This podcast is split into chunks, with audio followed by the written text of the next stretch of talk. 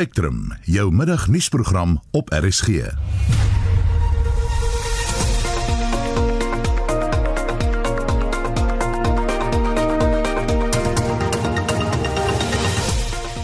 vandag se programme getuie vir die staatskapingskommissie oorleef 'n sluipmoordaanval. 'n Ewige ANC bekgeveg woed op sosiale media oor die openbare beskermer. Justice Project SA sê Sandra se dreigement oor etelgebruikers wat nie betaal nie is ou nuus. Maybe Sanral's propagandist in chief Lucy Mona is bored and uh, feels that he needs to steal Fikili Mbulula's limelight in announcing what the fate of e-tolls will be. En vandag is internasionale Vrouedag. Welkom by Spectrum, die span is Wessel Pretoria, Slowona Bekes en ek is Susan Paxton.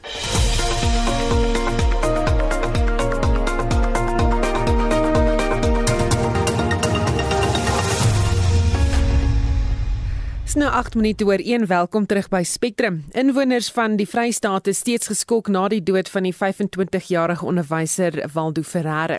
Die noodlottige ongeluk waar nog twee ander mense op slag dood is, word toegeskryf aan die haglike toestand van die R103 tussen Warden en Vrede in die Oos-Vrystaat.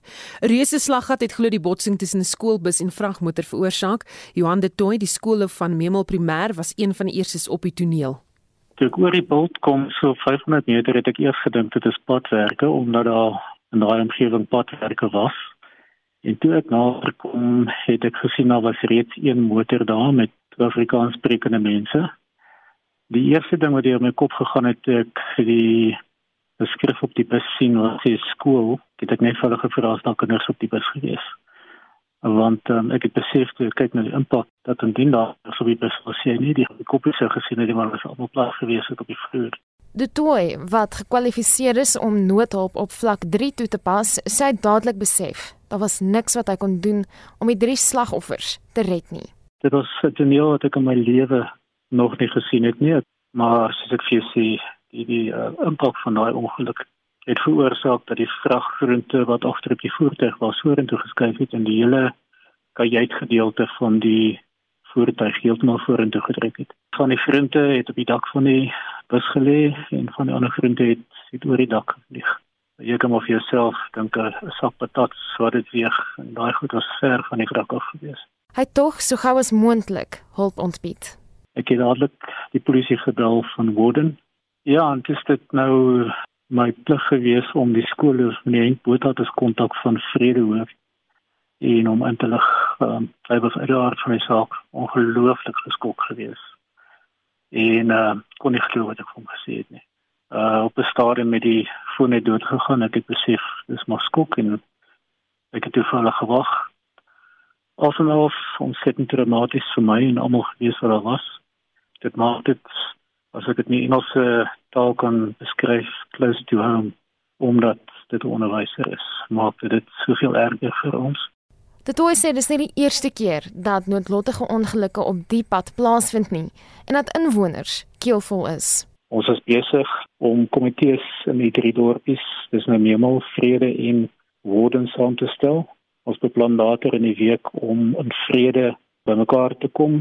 Elke komitee sal dan teruggaan na sy ehm um, gemeenskap toe. Ons gaan petisie laat opstel. Die petisie gaan dieselfde bewoording hê en dan gaan ons soveel as moontlik daar van laat teken. Elke dorp sal 'n leer opstel. Ek het reeds met ER24 van KwaZulu-Natal gekontak. Hulle gaan vir my verslae van die laaste 3 maande as ook ongelukstatistieke gee van hoeveel mense beseer is op die pad.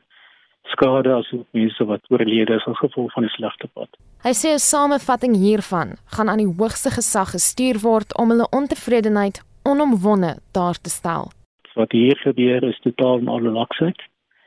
Dis tragies, ons belastingbetalers betaal daarvoor, maar ons belasting kan nie die mense wat oorlede is lewens terugbring nie. Dit is uiters laksheid. Ons kan nie daarmee saamgaan nie. Hierdie paai word nie stand gehou nie. Waar hulle slaggate toe maak, is dit van uiters poor kwaliteit en uh, ons het nou genoeg gehad. Ons het regtig genoeg gehad daarvan. Dit was Johan de Tooi, die skoolhoof van Memel Primêr in die Vrystaat. Marlene Forsie is hy gaan nuus. Ons bly by die storie Dorien Wessels is 'n DA raadslid in Mpumalanga wat die dorpe Vrede, Memel en Warden in die Oos-Vrystaat insluit. Sy het aan Marlenae gesê hulle kla nou reeds 'n geruime tyd lank oor die uiters swak toestand van die R103. Die R103 is 'n alternatiewe roete van die N1. As jy by Verliers kom, kan jy op die R103 gaan. Die mense wat nie kan dit bekostig om tolgeld te betaal nie, ry gewoonlik op die R103 mens draai van die R103 af af vrede toe. So die kinders van Horden wat in vrede in die skool is kom elke Vrydag met 'n skoolbus uh Horden toe en elke maandagooggend kom haal die onderwyser weer die kinders. Sy sê verskeie ongelukke het al op die pad plaasgevind weens slaggate. Op die 16de Februarie het ek 'n WhatsApp vir die burgemeester gestuur want mense van Horden was die ouma en die twee kleinkinders in die ongeluk. Gelukkig was hulle nie so erg beseer nie en gesê asseblief die burgemeester moet ons help hierdie pad moet reggemaak word en hy het vir my gesê hy het met die MEC en die HOD en almal gepraat om dit onder hulle aandag te bring. Vir elke Desember vakansie, vir elke Paasnaweek praat ek oor die paaie. Dit is hengse hengse slaggate. Jou kar is afgeskryf, jou bande kan dit nie hou nie my seun het eendag huis toe gekom van Sekunda af en hy het drie mense gehelp langs die pad. Die pad is eintlik nie meer geskik vir uh, gebruik nie. Na my mening moet hy toegesit word. Dikwels word slaggate volgens haar net met grys gevul wat dadelik weer uitspoel na swaar reën. Baie keer as jy op die pad ry, kom daar motors van voor af. Jy moet letterlik stop want jy kan nie deur daai slaggat ry nie, jy moet om dit ry. So die burgemeester rapporteer dit. Dit is gerapporteer. Provinsie weet presies van al hierdie paaie, maar ja, die vakmanskap is baie swak. Dit was 'n DA raadslid Torin Wessels. Sy sê hulle ondersteun Johan de Tooy, die skoolhoof van Memel Primêr en verskeie ander rolspelers se besluit om 'n petisie op te stel om die owerheid te dwing om aandag te skenk aan die pad voordat nog iemand hulle lewe verloor. Marlene Forsie SAK nuus. President Cyril Ramaphosa oorweeg sy opsies nadat hy 'n versoek ontvang het van die minister van Polisie, Bekkie Cele, om ondersoek in te stel na die nasionale polisiekommissaris Kegla Sitole se geskiktheid vir sy amp. Die president se woordvoerder, Tyrone Seal, sê weens die gevolge wat dit inhou vir die polisie diens in Suid-Afrika, wil Ramaphosa seker maak hy neem 'n ingeligte besluit. En ons praat nou hieroor met 'n konsultant van die Instituut van Sekuriteitsstudies in Pretoria, Dr. Johan Burger. Goeiemôre Johan. Goeiemôre Susan. Is hierdie 'n magstryd tussen Kelle en Sitole of is dit 'n dieper liggende verhoudingsprobleem binne die ANC? Ja, ek ek dink dit is veel meer as 'n as 'n magstryd. Ek ek dink dit het het te doen met ehm uh, dieper liggende probleme. Ehm uh, moontlik met die twee kampe binne die ANC en dan uh, moontlik ook persoonlikheidsverskille tussen die twee, maar dan is daar ook uh aspekte wat te doen het met die wyse waarop die kommissaris uh sy taak verrig uh wat ek dink vir die minister en moontlik vir die president uh op die oomblik 'n taamlike probleem is. Hm. Wat staan sentraal in hierdie stryd? Dan daar's 'n paar kwessies. Die, die een is natuurlik uh ons voer alles terug. Johannes, jy nog daar? Lyk vir my ons het hom uh, verloor. Ons gaan kyk of ons hom kan terugkry op die lyn. Ons praat met Dr. Johan Burger. Hy's 'n konsultant van die Instituut van Sekuriteitsstudies in Pretoria en ons praat met hom oor president Cyril Ramaphosa wat sy opsies oorweeg nadat hy versoek is om ek weet of 'n versoek ontvang het van die minister van polisie Bekkie Cele om ondersoek in te stel na die nasionale polisiekommissaris Kegla Sitole se geskiktheid vir sy amp. Die president se woordvoerder Taron Seal sê wens die gevolge wat dit inhou vir die polisie diens in Suid-Afrika wil Ramaphosa Ramaphosa seker maak hy neem 'n ingeligte besluit. Maar dit lyk vir my daardie lyn wil nou net nie saamwerk nie. Ons gaan kyk of ons hom 'n bietjie later in die hande kan kry. Die Suid-Afrikaanse padagentskap Sanral sê motoriste wat nie hulle etolskuld betaal nie, sal nie hulle voertuiglisensies kan hernie nie. Volgens die agentskap sal die stappe verder gevoer word deur die agentskap vir padverkeersmisdrywe oftewel ARTIA.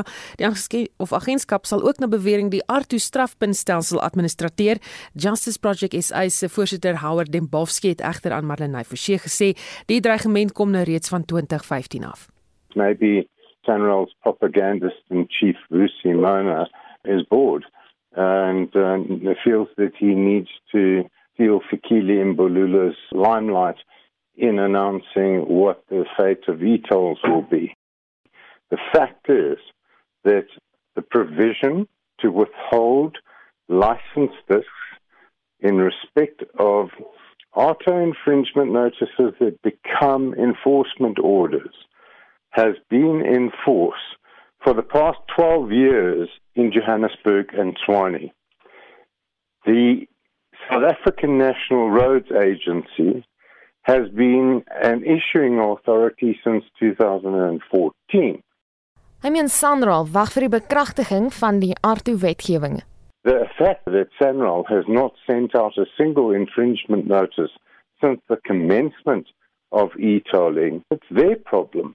I suspect the reason that they didn't do it is because the current ARTA Act requires that they use registered mail to deliver each of those infringement notices.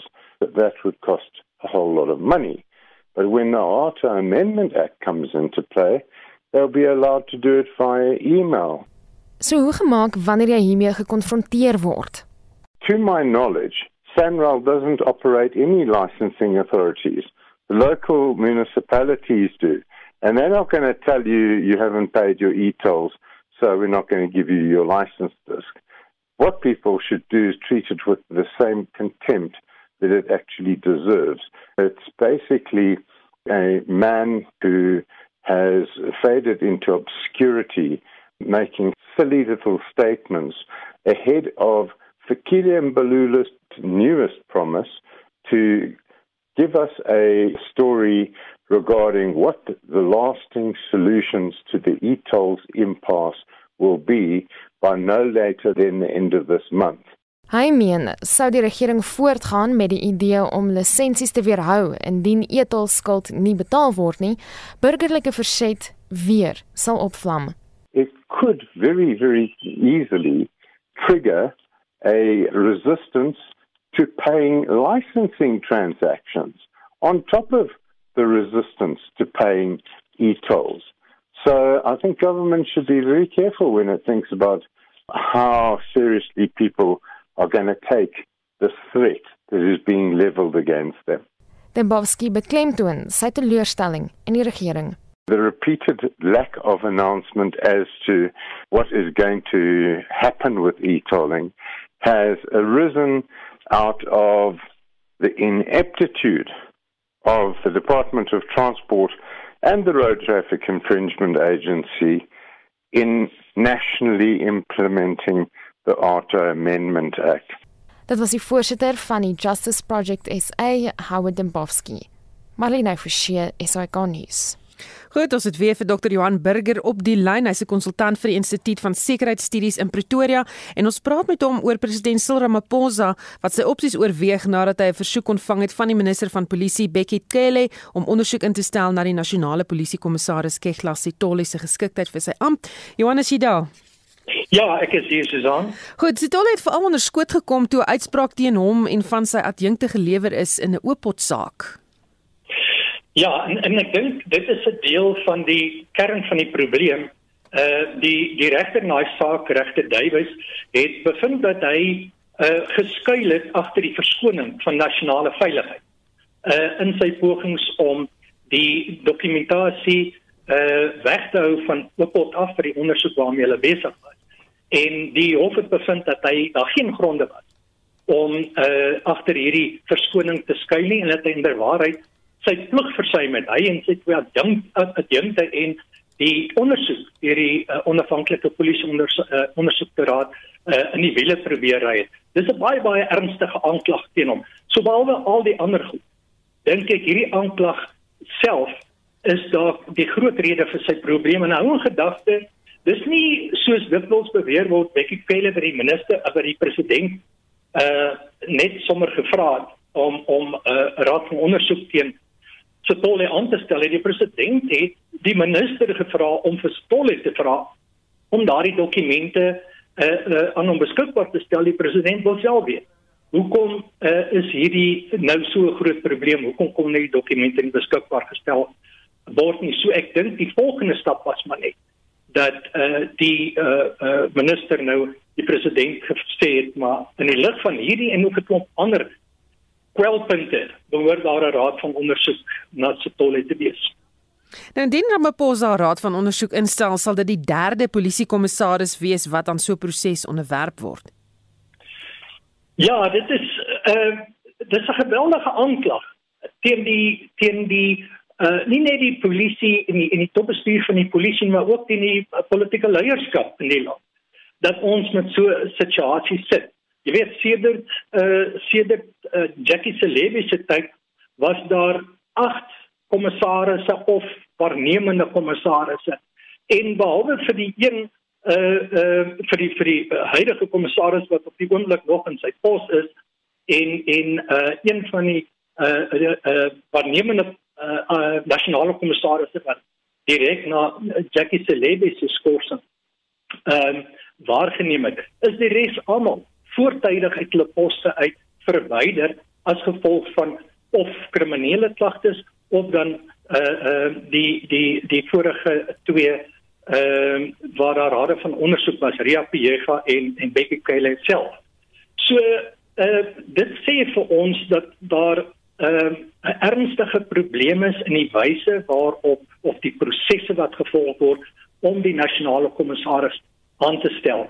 En ons het al van die instituut se kant af aanbeveel dat dieselfde benadering gevolg moet word as wat die president gedoen het met die aanstelling van eh uh, Batoi as die hoof van die nasionale vervolgingsgesag toe hy ondanks die feit dat daar nie wetgewing uh, dit van hom vereis nie het hy gevra dat uh, daar 'n proses gevolg word 'n oop en deursigtige proses waar mense aansoek doen vir poste en daar's by wyse van 'n kortlysting uh na die beste persoon gekyk. So hy behoort dit ook in die geval van die nasionale kommissaris te doen. Baie dankie. Dit was 'n konsultant van die Instituut van Sekuriteitsstudies in Pretoria, Dr. Johan Burger.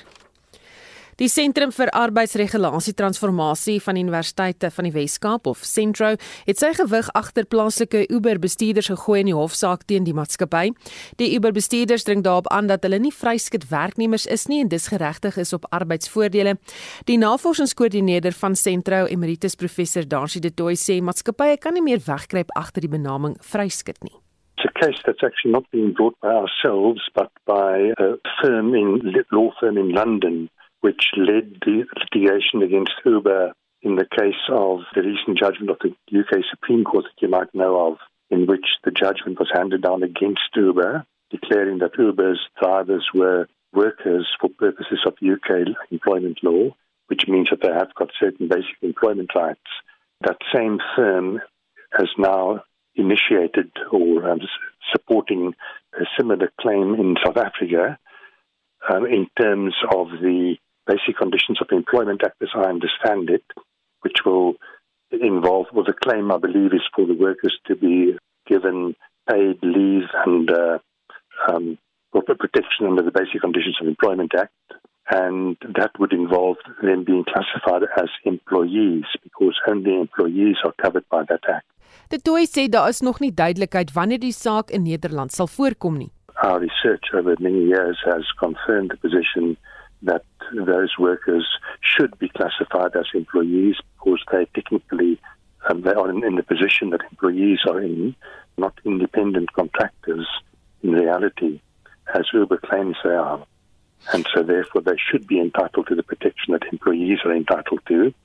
And this claim that's now being brought by um, this firm will try to get South African, the Labour Court in Johannesburg to give an order to that effect. And that that from our point of view would be quite correct, right and proper. That's the way it should be.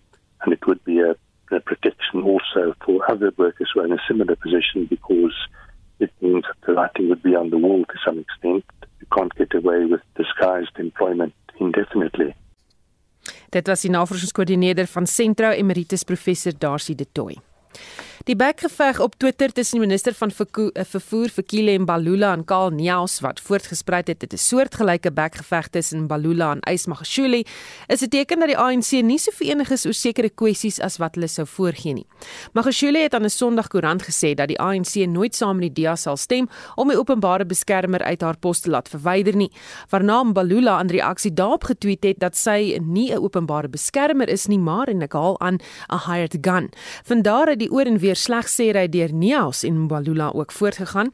Nias het Mbalula daarvan beskuldig dat hy opportunis is terwyl Mbalula Nias 'n skurk genoem het. En ons praat nou met die dekaan van die fakulteit Geesteswetenskappe by Akademia professor Pieter Dievenage. Goeiemôre Pieter. Goeiemôre Susan. Was baie interessant om die geveg dop te hou op Twitter. Wat sê dit oor eenheid binne die ANC onder mekaar daar? Ja, ons weet natuurlik daar's die twee groot faksies op die oomblik, nê. Nee, dit is die die faksie van Ys Magashule, die sekretaris-generaal wat sterk bande het met die vorige president, uh, president Zuma, en aan die ander kant is natuurlik president Ramaphosa en dit lyk in die stadium of die Ramaphosa faksie net net die oorhand het, maar dit is uh, dis nogal op 'n mespunt waar die waar die dinge gebalanseer is. En wat sê dit van eenheid oor die openbare beskermer? Wel is baie interessant. Ek dink ehm um, Susan as mens na die hele prentjie kyk, jy weet, as mens probeer greep kry en die luisteraars ook op wat nou hier gebeur, want dit is die regerende party van die land of mens nou daarvan hou of nie, ehm um, is dat jy 'n kleiner prentjie en dit is hierdie bekgevegte Dan het jy die groter prentjie, nê, nee, en dit is uh, ek dink die groter prentjie is wat is die rol van president Ramaphosa agter die skerms. En dan is die derde punt vir my, wat is die beste vir die land, nê? Nee, dit is hierdie drie dinge wat wat die groot uh, wat, wat wat die groot ding is. En die kleiner prentjie is nou maar hierdie bekgevegte en nou die um, openbare beskermer advokaat Busiswe Mkabene is ook nou ehm um, is nou ook in die prentjie, jy weet en uh, en en dit gaan nou eintlik maar as dit 'n trou toutrekkery, nê, die faksie van ehm um, sekretaris-generaal Ys Magashule, ehm um, sy is in hulle kamp en en teenoor dit is president Ramaphosa wat sy kaarte baie versigtig speel en dit lyk of uh, die minister van vervoer meneer uh, Fikile Mbalula nou daai rol speel teen die faksie waar hy eens aan behoort het, nê. Dis 'n interessante ding. Fikile Mbalula was deel in tog in 2017 van die Ysmagashule Zuma kamp. Maar sedertdien toe hy gesien het hoe die winde waai, het hy oorgegaan na president Ramaphosa toe en dit is alles deel van hierdie kleiner prentjie, hierdie onsmaaklike en onverkoeklike bekgevegte wat ons nou sien. Ek wou net vir gevra het wat is Fikile Mbalula se strategie hier met sy uh tweets? Ek dink gewoon net politieke oorlewing as jy my vra. Ehm um, hy het homself bewys mens moet 'n bietjie in die geskiedenis ingaan natuurlik dat hy's 'n oud ehm um, president van die ANC jeugliga en hy het nie heeltemal die pad gevolg van uh, iemand soos Julius Malema of ehm um, ehm um, Malusi Gigaba nie wat eintlik meer flamboyante voormalige presidente van die van die jeugliga was. En ek dink iemand soos Fikile Mbalula speel maar die politieke spel nê. Hy kyk waar die politieke winde waai en dan uh, dan beweeg hy in daai rigting en lyk my hy het sy jy weet berekeninge gemaak en dit lyk vir hom asof president Ramaphosa effens die oorhand het in die onverkoeklike faksie geveg in die ANC en daarom sal hy dan agter president Ramaphosa in al hierdie twitters en hierdie gebeure op sosiale media sal hy basies uh, die Ramaphosa lyn volg want hy weet dis daar waar die mag is. Nou die meeste mense wat sulke goed kwyt raak op sosiale media sal afgedank word of ten minste gedwing word om 'n verskoning te vra. Ehm um, gaan hierdie dalk die president dwing om op te tree? Nee, ek dink uh, president Ramaphosa speel die sogenaamde, ek het dit ook al voorheen daaroor gepraat, die lang spel. In Engels the long uh, hy, hy speel 'n lang play, nê? Met ander woorde, hy gaan nie sommer inmeng nie. Hy laat maar die ander hierdie bekgevegte hê en daarom het hulle half 'n vry pas hier op sosiale media. Dit is eintlik vreemd dat 'n minister van 'n van 'n land uh, so op op uh, jy weet sosiale media te kere gaan. Ons het natuurlik ook, ek moet dan intussen hakie sê ook sulke ander voorbeelde in die wêreld gehad. Maar in elk geval die spel is vir president Ramaphosa die langer spel. Met ander woorde, hy gaan nie inmeng hier oor bekgevegte tussen Magashule en Karl Neus nie. Hy gaan ook nie inmeng op uh, in 'n bekgeveg tussen die sekretaris-generaal Ys Magashule en Malula nie. Ek dink president Ramaphosa se se oog is nou op die sogenaamde algemeen by die nasionale algemene raadsvergadering van hierdie jaar 2021 en tweedens ook mens moet onthou volgende jaar November word die president van die ANC weer aangewys. Ek dink hy kyk daarna.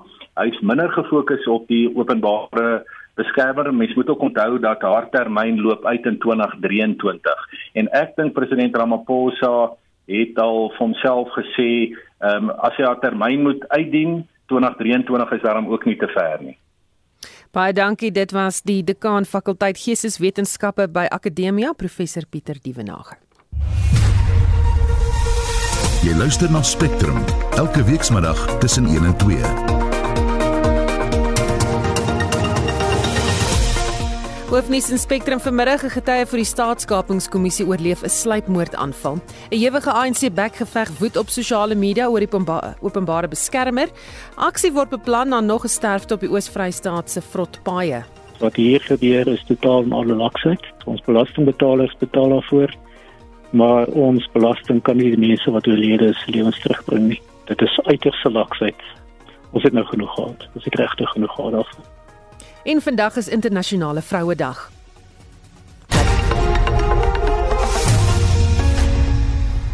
Die departement van binnelandse sake en die Verenigde Nasies se vlugtelingagentskap het vandag die toevlugsagterstand projek geloods. Die doel van die projek is om die agterstand in vlugtelinge in Suid-Afrika teen 2024 uit te wis. En ons praat met ons verslaggewer in Pretoria, Lila Magnus. Goeiemôre Lila. Goeiemiddag Susan en goeiemiddag aan die luisteraars. 'n Toevlugsagterstand projek, wat presies is dit? Wel, dit handel oor die appelle wat mense wat asiel soek in Suid-Afrika um indien en daai proses het oor die jare net opgebou, die agterstand het net opgebou en opgebou. So wanneer 'n persoon na Suid-Afrika toe kom en aansoek doen vir um asiel, kry hulle aanvanklike permit wat hulle ehm um, maak dat hulle reg uh, regmatig in die land woon en waar hulle dan nou kan aansoek doen vir werk en sulke goed. Maar in tydens daai proses word daar dan 'n ondersoek gedoen of hulle ehm um, regtig kwalifiseer vir 'n uh, asiel in Suid-Afrika. En wanneer die dit dan weggewys word of wanneer hulle sê nee, maar jammer, jy jy kan nie jy kan nie asiel kry in Suid-Afrika nie want jy kwalifiseer nie, dan mag die mense appel 'n appel bring en in daai proses is waar die agterstand nou is. In 2004 het daar so wat 53000 mense Suid-Afrika toe gekom en asiel gesoek en die stelsel kon dit hanteer, maar dit het deur die jare stelselmatig opgebou en in 2009 was daar 223000 mense wat asiel gesoek het. En die stelsel eenvoudig kan dit net nie hanteer nie en daarom het ehm um, die VN en die departement van binnelandse sake nou met hierdie projek begin om daai agterstand by die appelleraad uit te wis. Is dit die jongste getal van vlugtlinge wat die oom, op die oomblik in Suid-Afrika is? Nee, ons het nie verlede jaar se getalle nie omdat ehm um, die die ehm um, aankomssentrums gesluit was weens die pandemie, maar in 2019 het 25000 mense na Suid-Afrika toe gekom en in 2018 18000 wat asiel gesoek het. So die syfers is nog steeds baie baie hoog. Nou dit is 'n reuse taak om die agterstand oor net 3 jaar uit te wissel. Dit vir my, hoe gaan binnelandse sake en die VN se vlugtelingagentskap dit regkry? Hulle plan is om aanvanklik meer mense aan te stel.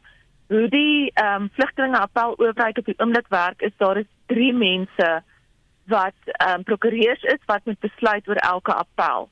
Maar hulle moet saam besluit sodat daar 'n quorum is en hulle moet al die appelle in die land hanteer. En daarom meen die minister is een van die redes hoekom die agterstand so vinnig opgehoop het. Want ehm um, dit dit is eenvoudig onmoontlik vir al drie om dit vir drie mense om al daai appelle aan te hoor. So met die hulp van die VN gaan hulle nou nog 36 prokureurs aanstel. Die wet is verander sodat een prokureur na een appel kan kyk, maar as dit 'n ingewikkelde saak is, dan moet daar drie mense daarna kyk. Dit spaar net maar amper soos 'n volbank regters. En dan gaan hulle van die geld gebruik om um beter tegnologiese stelsels in plek te sit sodat daar nie altyd 'n persoonlike afspraak hoef te wees nie dat van die leers op die uh, internet gelaai kan word en dat hulle oor die internet die afsprake kan doen. Want die VN gaan as jy dit nou omsit in Suid-Afrikaanse geld omtrent so 147 miljoen rand aan die departement oor die volgende 4 jaar gee sodat die mense aangestel gaan word en die stelsels in plek gesit kan word om met die agterstand uit te wis. Wat se probleme voorsien hulle? Wel, hulle reken dat ehm um, terwyl hulle besig is om die agterstand uit te wis, kan daar korrupsie insluit. Ehm um, ons weet dis 'n probleem by die departement van binnelandse sake, maar die minister het gesê daar is reeds 'n interministeriële komitee op die been gebring om al die aansoeke te um, na te kyk en te kyk of daar nie ongeruimthede is nie. Ehm um, so hulle is bewus daarvan korrupsie is 'n groot probleem en dan is dit maar die die die appelle wat die hele tyd deurkom is ehm um, mense wat aan Suid-Afrika toe kom en nie noodwendig ehm um, kwalifiseer vir asiel nie maar eerder sê net maar wil studeer of 'n werk kry. Ehm um, is dit net makliker om daar aanvanklike permitte kry want dan kan jy uh, begin om tussen al van te werk of te studeer, maar hulle mag nie eintlik kwalifiseer vir daai asiel nie. Hulle moenie eintlik aansoek eers doen daarvoor nie.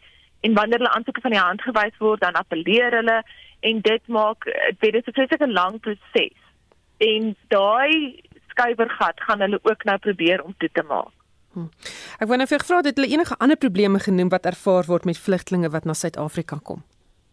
Ja, dit is maar mense wat wat kom uh, vir die verkeerde redes en wat eenvoudig net aansoek aanhou om appel aan te teken teen die besluite hoewel hulle nie geregtig is om mee te wees op daai spesifieke permit. Baie dankie, dit was ons verslaggewer Lila Magnus. Spectrum het Vrydag berig oor 'n groep kunstenaars wat in die raadsaal van die Nasionale Kunsteraad in Pretoria betoog. Dit nadat hulle verlede week eh, die raad besoek het om klarigheid te kry oor die COVID-19 verligtingfondse wat aan hulle uitbetaal moes word. Die groep sê hulle het nog nie 'n sent daarvan gesien nie.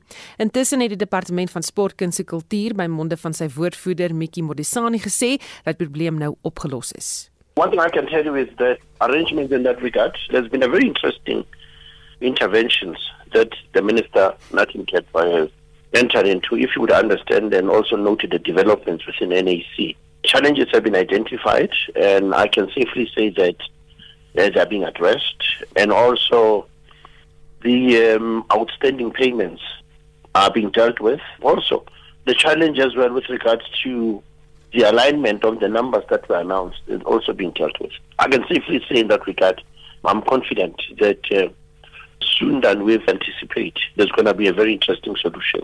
Modisani kon egter nie by verdere navraag bevestig dat die uitstaande betalings gedoen is of wanneer dit wel sal plaasvind nie. Definitely, if they applied, if they applied, that process is going to happen. Well, that one I cannot guarantee because there are those challenges that are being dealt with. There are these challenges, as I'm saying that there has to be serious verification with regard to the payments before they're being dispersed, you know. So those verifications are being undertaken. The issue of, as I'm saying, the consistency in the numbers as well, it's also being it's also being addressed. Dit was die departement van sport, kuns en kultuur se woordvoerder Mikki Modisani. Vandag is internasionale Vrouedag. President Cyril Ramaphosa het in sy weeklikse nuusbrief gesê as vroue regtig bemagtig wil word in ons samelewing, moet die stigma van watter tipes posisies hulle mag bekleeg stop word. Die tema van vanjaar se Vrouedag is Hitsmerk Choose to Challenge. Jogavili Nambia, die bestuurshoof van die Allen Gray Orbe Stichting en lid van die leierskapsorganisasie YPO sê, dit is veral die jy moet gesien word maar nie gehoor word nie houding teenoor vroue wat moet verander.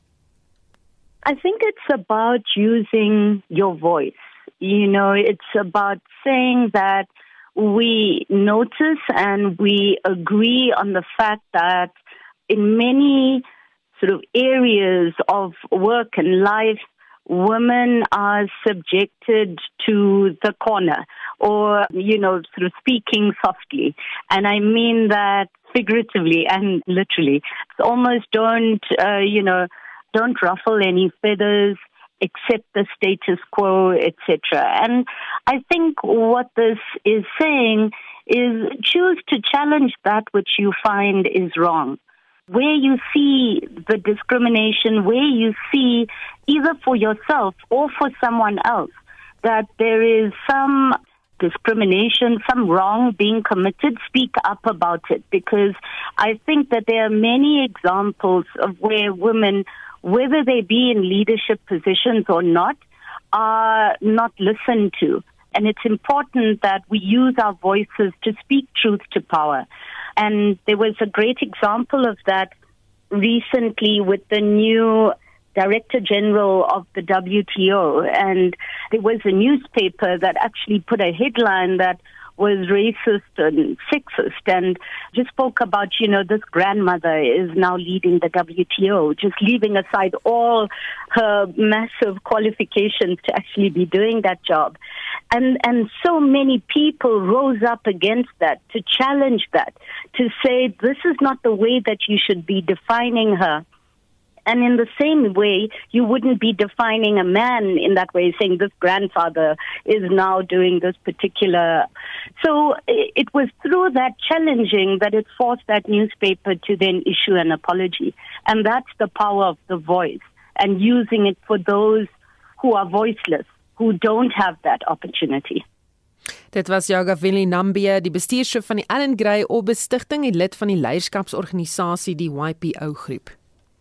Hier is Shaun Jooste met vandag se sportnuus. Ons begin met rugby nuus. Die Bulls afrigter Jake White het 'n onveranderde begin 15-tal vir môre se voorbereidingsreeks wedstryd in Nelspruit teen die Pumas aangekondig. Die Springbok flank Nizam Kar is die kaptein.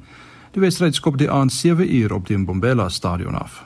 Die Cheetahs afrigter Hawies Fourie het ses veranderinge aan sy beginspan vir Woensdag aand se wedstryd in Bloemfontein teen die Sharks gemaak. Die voormalige Springbok skrimskakel Roan Pinaar sal die span aanvoer en die wedstryd begin 7 uur op die Vrystaat Stadion. Vanaand op die sokkerveld in die Engelse Premier Liga met Chelsea 8 uur teen Everton en West Ham United 10 uur teen Leeds United kragte. En in die Serie A in Italië draf Inter Milan kwart voor 10 teen Atalanta op die veld uit. En laastens in tennisnuus.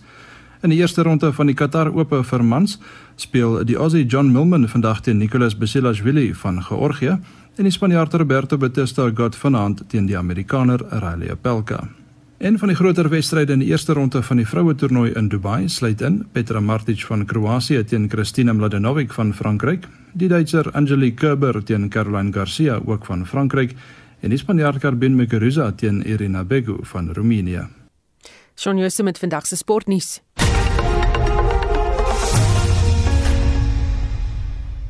Dis nou kwart voor 2 luister na Spectrum, 'n ongeïdentifiseerde getuie wat verlede jaar voor die kommissie van ondersoek na staatskaping in sy hoedanigheid as 'n sekuriteitswag vir Transnet getuig het, het die afgelope naweek 'n sluipmoordaanval oorleef.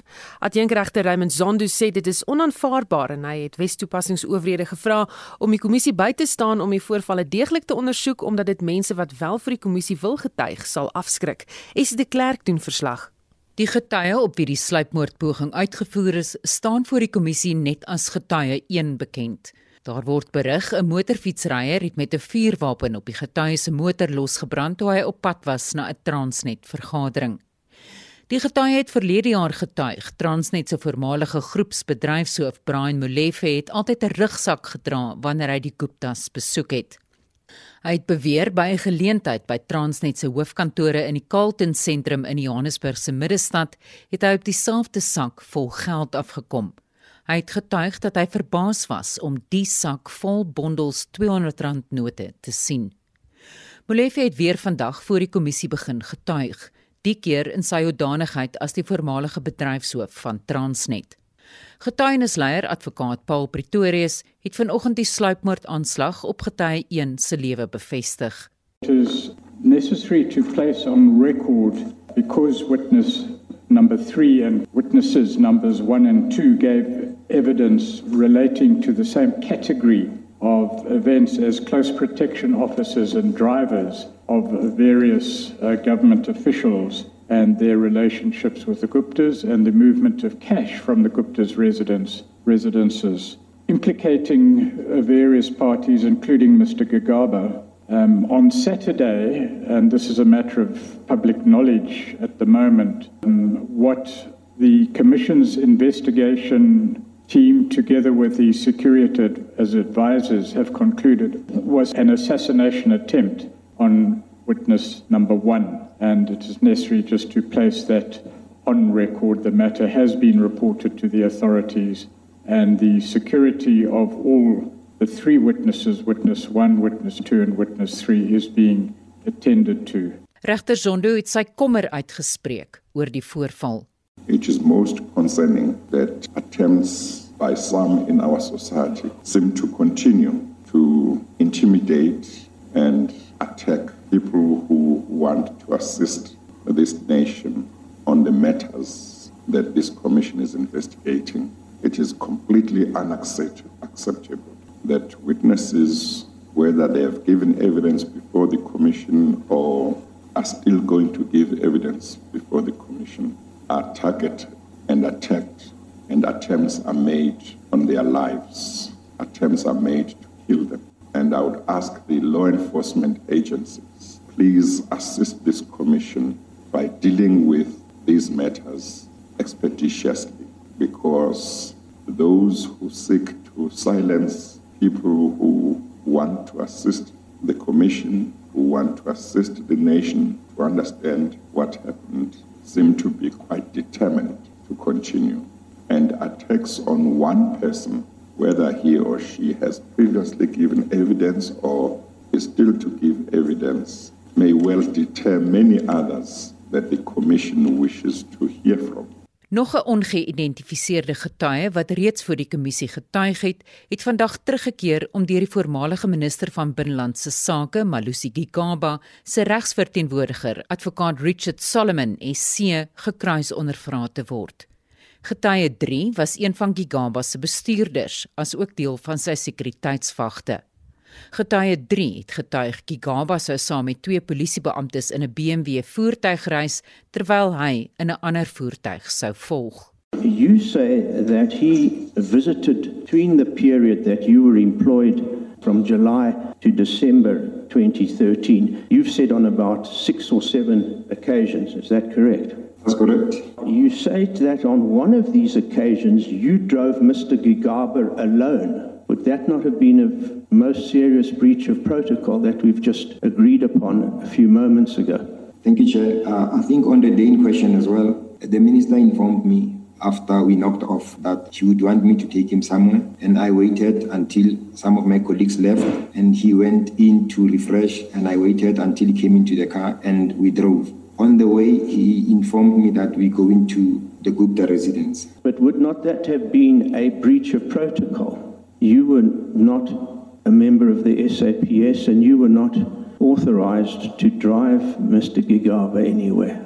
I was given instruction by the minister himself. I want to put you that Mr. Gigaba denies that you ever drove him on any occasion, let alone to the Gupta residence. Now, on the day, yes, I drove the minister to the Gupta residence. I also want to put to you that he denies that he visited their residence on the number of occasions that you describe, and that at the most it would have been once or twice during that period of time. You like care to comment? I have went with the minister at the residence for about 6 to 7 times. Solomon het dit aan die getuie gestel dat die logiese manier om die geskil oor Gigaba se besoeke aan die Guptas op te los sou wees om Gigaba se dagboekinskrywings met die getuie se motorinskryfboek te vergelyk. Were any of these visits that you've testified about now recorded in Mr. Gigaba's diary? No, they were not. Uh, in some of the occasions, uh, I was informed by the minister not to register the movements to the visits to the, the, the Gupta family house in Saxonwell.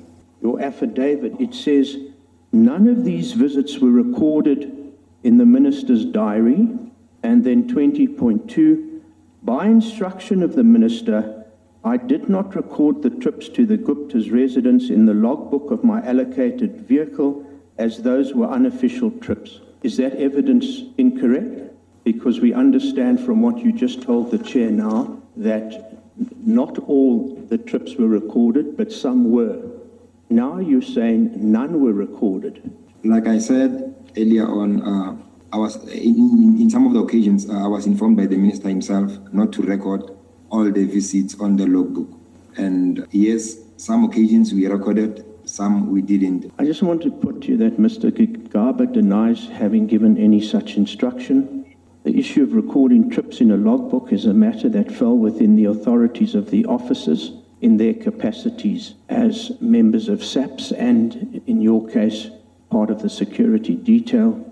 Getuie 3 het ook voorheen getuig hy het toe hy Gigaba na die Gupta woning geneem het onder andere vir Brian Molefe en die voormalige Eskom voorsitter Dr Ben Gubani daar gewaar. Solomon het gesê Gigaba ontken dit. Molefe het net voor middagete begin getuig oor Transnet verwante getuienis. Ek is Estie de Klerk vir SAK nuus. 'n Navorsingsverslag getitel Die Afrika Dagga verslag wat deur die Prohibition Partners groep saamgestel is, toon dat as die sektor 'n kans gegee word, dagga verbouing tot 1 miljard Amerikaanse dollar tot die land se koffers kan bydra teen 2024. Die Departement van Handel en Nywerheid sê die sektor dra tans sowat 14 miljard rand by tot die ekonomie en kan teen 2024 reeds verdubbel.